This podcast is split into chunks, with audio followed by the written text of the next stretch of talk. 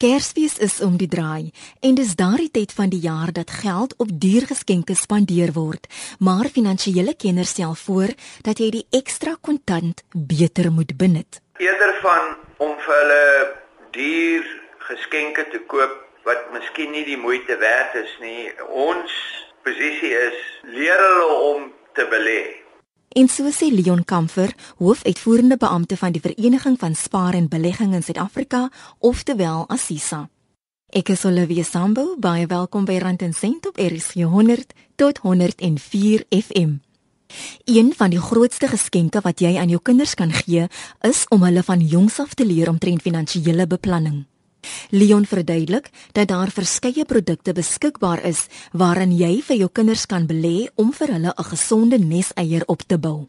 Vir jou jonger kinders is daar tans in die bedryf belastingvrye spaarrekeninge waarin belê kan word tot 'n uh, 30000 per jaar met 'n leeftyd van 500000. Jy kan nie oor die 500000 belê nie. Nou as mense vir ons vra hoe hoekom doen dit vir kinders wat nie belasting betaal nie? Die interessante ding is is omdat dit belastingvry is, sal die hele opbrengs ophoop deur die langtermyn en as jy dit vat oor tot die 500 000 limiet oor 16 en 'n half jaar kan dit tot 'n aardige belastingvrye som ophoop. Iets soos 1,7 miljoen rand. En die belegging hoef nie 30000 te wees, jy kan 2500 per maand wegsit of minder as jy so wil doen. Maar die punt is jy kan 'n neseiertjie opbou vir jou kinders wat baie moeite werd is in die lang termyn eerder as om 'n duur selfoon te koop ensovoorts. Is daar 'n ideale ouderdom om te begin? So gou as moontlik. Dan het jy die saamgestelde effek van opbrengs op opbrengs oor 'n termyn wat help om 'n aardige som daar te stel. So byvoorbeeld as jy onmiddellik begin en jy sit 2.500 rand per maand weg as jy dit kan bekostig tot 'n limiet van 500 000 so dit sal omtrent so 17 jaar vat om jou limiet limiet te bereik. En as jy dit net daar lê laat lê en die opbrengs is ongeveer 13%. Na die termyn is dit 1.7 miljoen rand werd belastingvry. En dan tieners, want daar is nou ouers wat tieners het wat nog nie begin het met 'n spaarplan nie. Maar selfs vir hulle is dit nog nie te laat nie. Die hele idee hier is om saam met jou kinders te werk om te verstaan wat finansiële beplanning is en om iets weg te sit vir die toekoms. So vir tieners kan hulle ouers namens hulle belê en effekte trust, sogenaamde unit trusts. Dit is ook nie baie duur nie want van die effekte trust in die bedryf kan jy 'n minimum van R50 'n maand op 'n debietorde doen of 'n belegging van R500 waar is anders 'n minimum minimum van R500 per maand of 20000 minimum belegging vereis. Nou jy kan tussen daai bedrae kies En weer eens uh effekte trusts oor die lang termyn sal 'n redelike goeie opbrengs daar stel en weer eens sal die tiener wanneer hulle nou op 'n tydstip is waar hulle miskien geld nodig het vir 'n deposito op hulle eerste huis 'n redelike som geld daar hê waarmee hulle lewe kan begin. Soms dan verwag jy 'n groot opbrengs oor 'n kort tydperk maar dit is tog beter om die geld langer te belê om 'n groter opbrengs te kry. As jy 'n groot opbrengs wil kry oor 'n kort termyn, dis nie moontlik nie en as dit wel die geval is, is die risiko daaraan gekoppel baie hoog. Maar as jy byvoorbeeld 'n goeie effekte trust kies en as jy finansiële adviseur het, kan hulle jou daarmee help, maar dit moet gesien word oor die lang termyn. Effekte trust het instrumente in die effekte trust wat aandele is ensovoorts en ons weet dit kan opgaan dit kan afgaan maar oor die lang termyn gegee die geskiedenis is die tendens op. En jy kan 'n redelike goeie opbrengs daarop lewer maar jy moet dit oor die lang termyn sien. 'n minimum van 5 en ek sal sê ten minste 10 jaar.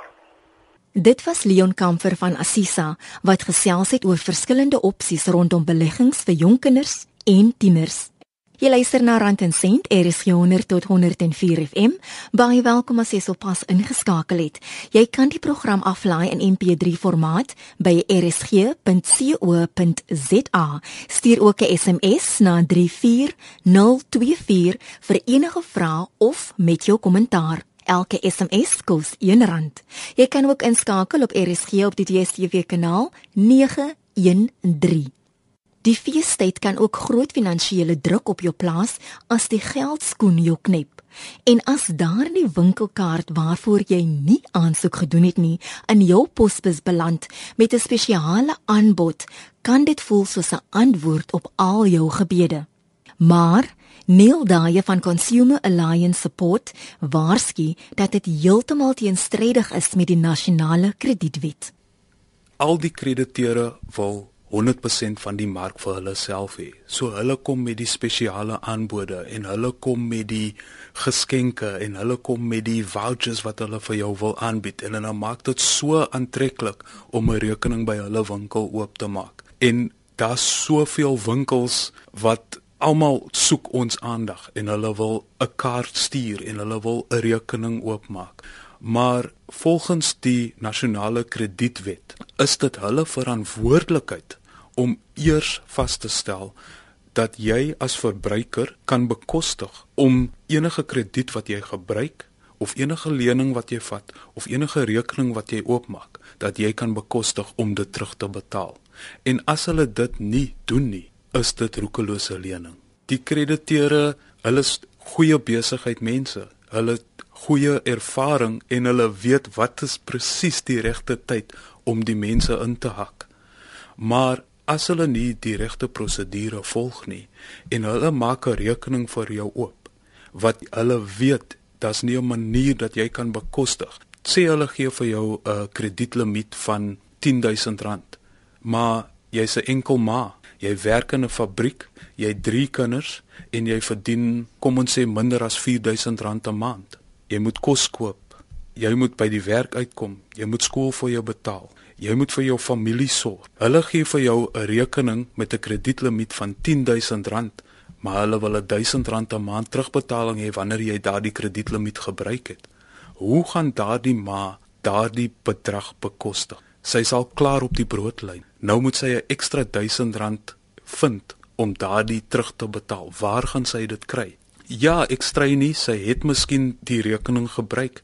Sy het goed gekoop, maar dis nie vir haar om te sê nou aan die krediteur nee dankie moenie vir my hierdie goed gee nie. Ek kan dit nie bekostig nie. Dit is die krediteur se verantwoordelikheid om vir haar te sê mevrou so en so jammer ons kan jou nie hierdie rekening gee nie want jy sal nie kan bekostig om dit terug te betaal nie. En dieselfde met lenings. Daar's soveel banke almal soek 'n gedeelte van die mark en so groot 'n gedeelte as wat hulle kan kry. So hulle maak die aanbode, kom na ons toe, vat hierdie lening. Ek kry SMS'e 'n paar keer elke week. Jy kwalifiseer vir 'n lening van 150 000 rand. SMS net jou ID-nommer aan hierdie nommer en ons sal die lening in jou bankrekening sit. Dit is blaatant roekeloos. Hoe is dit moontlik dat ek van 'n maatskappy geld gaan leen oor die internet. Daardie maatskappy ken my nie van enige kant af nie. Hulle weet nie wat my omstandighede is nie. Maar al wat ek moet doen is trek 'n paar sliders en sê ek soek soveel geld wat ek op oor soveel maande wil terugbetaal. Die nasionale kredietwet sê dat dit roekelose krediet is. Neil is van die opinie dat mense wat in 'n geldelike verknorsing is, enige grasgalmpie sal aangryp om uit die situasie uit te kom. En hulle vind dit moeilik om die volle implikasies van nog skuld te verstaan. In die begin van die jaar is daar skooluniforms wat gekoop moet word, skoolfooie wat betaal moet word, geskenke waarvoor hulle moet betaal daar is kos wat hulle gekoop het vir al die partytjies wat hulle voor Kersfees gehou het en familie wat afgekom het van al oor die land en al is net geld wat uitgaan. Wanneer die skool bel en sê mevrou so en so, jou kind het nie die regte uniform nie. U moet asseblief hierdie baadjie gaan koop, u moet hierdie das gaan koop, u moet hierdie hemp gaan koop. Waar kom die geld vir daardie goed vandaan? So mense uit hulle nood Hulle gaan en hulle vat 'n lening of hulle maak 'n rekening oop. Maar hulle dink nie wanneer ek hierdie rekening oopgemaak het en ek daardie geld gespandeer het, die volgende maand moet ek my eerste paaiement maak. Waarvandaan kom daai geld? Ons het ook met baie mense gewerk wat geen idee het van 'n begroting nie. Al wat hulle weet is hulle salarisse word in hulle rekeninge ingesit. Hulle trek die salaris uit en hulle betaal wat hulle moet betaal. Maar hulle sit nooit neer en dink, hoeveel benodig ek eintlik vir kos? Hoeveel kos my vervoer my? Ek het al so baie mense gesien. Hulle sê vir my, ek moet kos koop, maar moenie worry oor die brood en die melk nie, want dis net paar rande elke dag. Maar dan sit ek met hulle en ek sê, kom ons werk dit gou uit. Een brood kos miskien R10. 1 liter melk 9-10 rand. Dis R20 'n dag. Dis R140 'n week. Dis amper R500 'n maand. Dis nie net 'n paar rande nie vir iemand wat in 'n fabriek werk en minimum wage verdien. R500 'n maand is 'n aardige bedragie. En as hulle nou daai R500 moet uitgee net vir brood en melk, nou moet hulle nog steeds 'n ekstra 500 of 1000 rand 'n maand vind om 'n rekening terug te betaal of om 'n lening terug te betaal.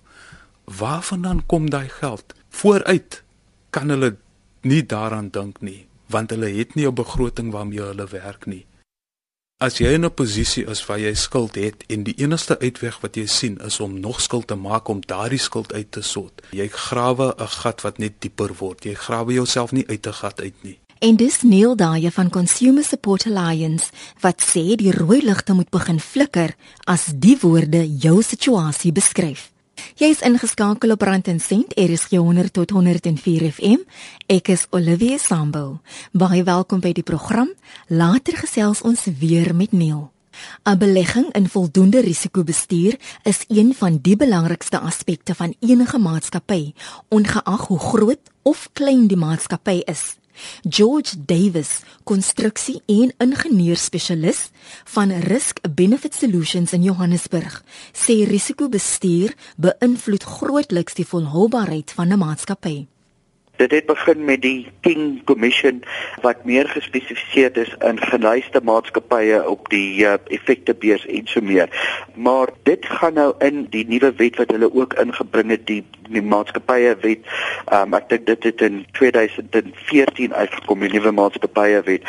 Nou enige besigheid van 'n klein eenmansaak dwarsdeur tot 'n geluiste maatskappy moet risikobeheer eerste in gedagte hê om sodoende natuurlik die lewensvatbaarheid en natuurlik die sustainability van 'n besigheid te kan onderhou. Die erns of die belangrikheid van risikobestuur word nie deur almal gesien nie. Hoe kan besighede meer aangemoedig word om dit ernstig op te neem? Die regering bring wette in, maar baie keer kyk ons na 'n stok wat daar is om jou pak slaag te gee, maar dit is nie eintlik waarom dit daar is nie. Die wette word juis in plek gebring sodat dit vir jou 'n maatstaf kan wees wat moet jy implementeer om jou besigheid 'n sukses te maak, maar nie net vir jouself nie, maar ook vir mense wat by jou koop of van jou onderneming om dit veilig te maak vir die publiek. En dit is so belangrik om eerder die positief daaraan te sien as die negatief. Maar dit gaan verder as dit. Dit is die maatstaf wat die regering dan inbring waar mense kyk die wette. Maar dit gaan oor jy wil jou besigheid natuurlik nommer 1 stel. So as jy risikobestuur reg is, kan jy jou besigheid soveel verder vat om dan in die langtermyn 'n sukses te kan maak. Deel van risikobestuur berus op die ontleding van wetenskaplike inligting. As 'n versekeringsmakelaar kom ek nou van die standpunt af sou dit gebeur. Maar om 'n voorspelling te maak is natuurlik baie moeilik. Ons kan maar net luister na wat die wetenskaplikes vir ons voorlê en natuurlik hulle voorspellings maak. Maar as mens nou verder kyk na die voorspellings wat gemaak word, praat hulle in elk geval dat nie teenstaande hierdie droogte nie teen 2025 en verder aan gaan daar groot watergebreke in die land wees. Nou as mens na daardie voorspellings kyk, kan mens eerder na hierdie droogte wat ons nou het sien as 'n geleentheid om sodoende risikobestuur en en maatreëls in te stel om sodoende natuurlik te kyk hoe dit jou besigheid nommer 1 impak en wat kan mens doen om dit te probeer verhoed. Die wurggreep van die droogte begin nou verder te strek as net die landbousektor. En George glo dat risikobestuur die impak van 'n soortgelyke situasie in die toekoms kan verminder. Wanneer mens kyk na jou landbou, dit verskaf voedsel, dit verskaf ons alledaagse middels waarmee ons aan die lewe bly. Maar dit natuurlik raak ook ons werkplekke. So as ons kyk na fabrieke wat water benodig om goedere mee te vervaardig en so meer. Dan natuurlik besef mens dit gaan 'n bietjie dieper as net die landbousektor. Dit gaan tot in ons werksplek in. En dan wanneer dit kom by uh, waterregulasies wat hulle sê dat die water natuurlik ons mag net op sekere tye water gebruik en so meer, dan begin dit ons in ons persoonlike lewens ook natuurlik affekteer.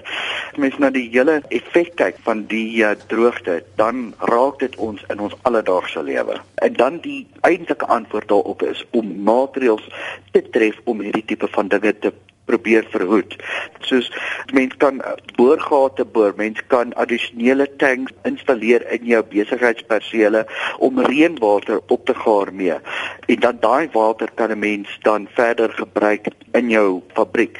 Maar daar's ook nuwe tegnologie waar mens water kan suiwer en hersirkuleer binne in jou besigheid. So daar is sulke maatreëls wat mens kan tref en dit is ook natuurlik vir die toekoms is dit baie goed om na te dink oor. Omdat daar geen versekerings is vir enige finansiële verlies wat 'n besigheid mag ly weens watertekort nie, kan dit risikobestuur bemoeilik ten opsigte van droogtes. Wanneer ons kyk na die landbousektor, daar is definitief wat ons noem, ek gaan nou die Engels gebruik, crop insurance wat jy kan kry.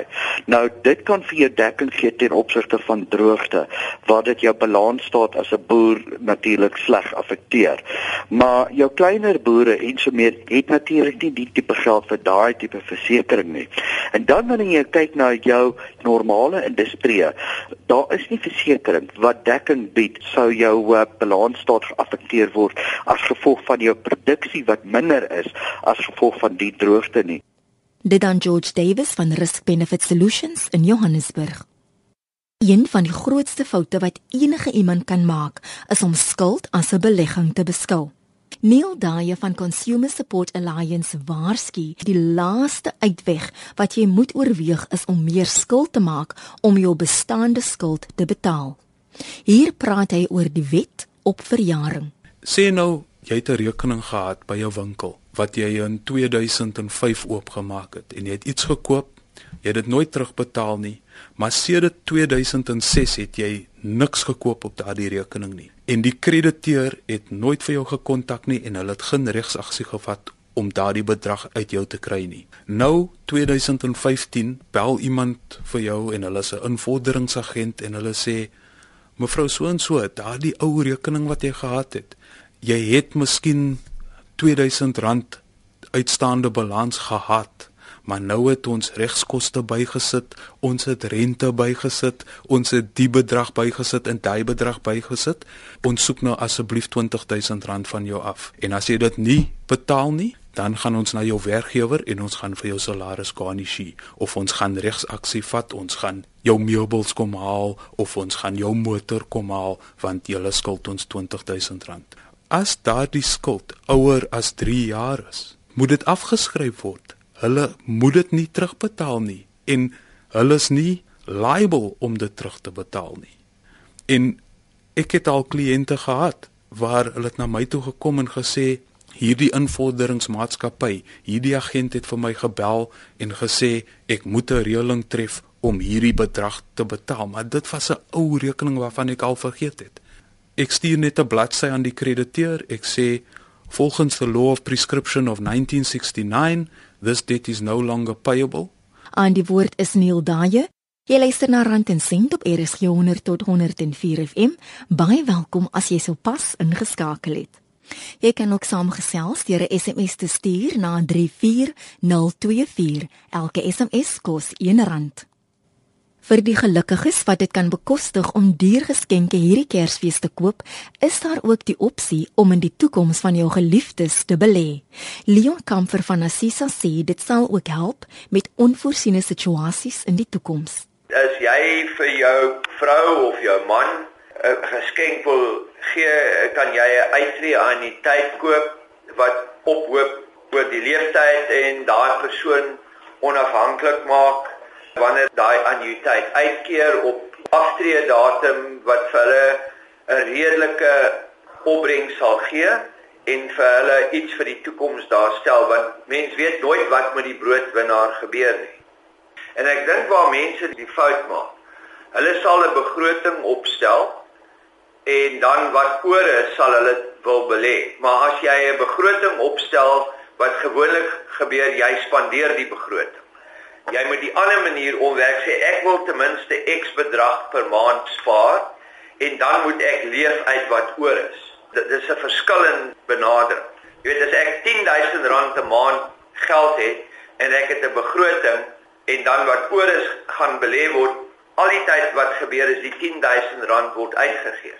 Waar as ek vir myself sê ek het 10000 rand of 5000 rand 'n maand beskikbaar, ek gaan 1000 rand of 2000 rand spaar en ek moet lewe uit die balans uit sal jy vind dat jy wel regkom want dan spandeer jy op die goed wat jy regtig nodig het. Jy kan die Kersfees ook die hart van jou huis opsteel deur te begin met 'n belegging in die toekoms van haar kind. Dit is tussen die industrie en die departement van opvoedkunde en ons lede en die departement het geld in 'n trust gesit en dit word gemik op daai familieeenhede wat minder as 180 000 rand per jaar verdien. As jy 200 rand 'n maand bespaar, is dit 2400 per jaar, dan kry jy 'n subsidie van daai fondse van 600 rand op dit. So dis 25% en jy kry die opbrengs daarop.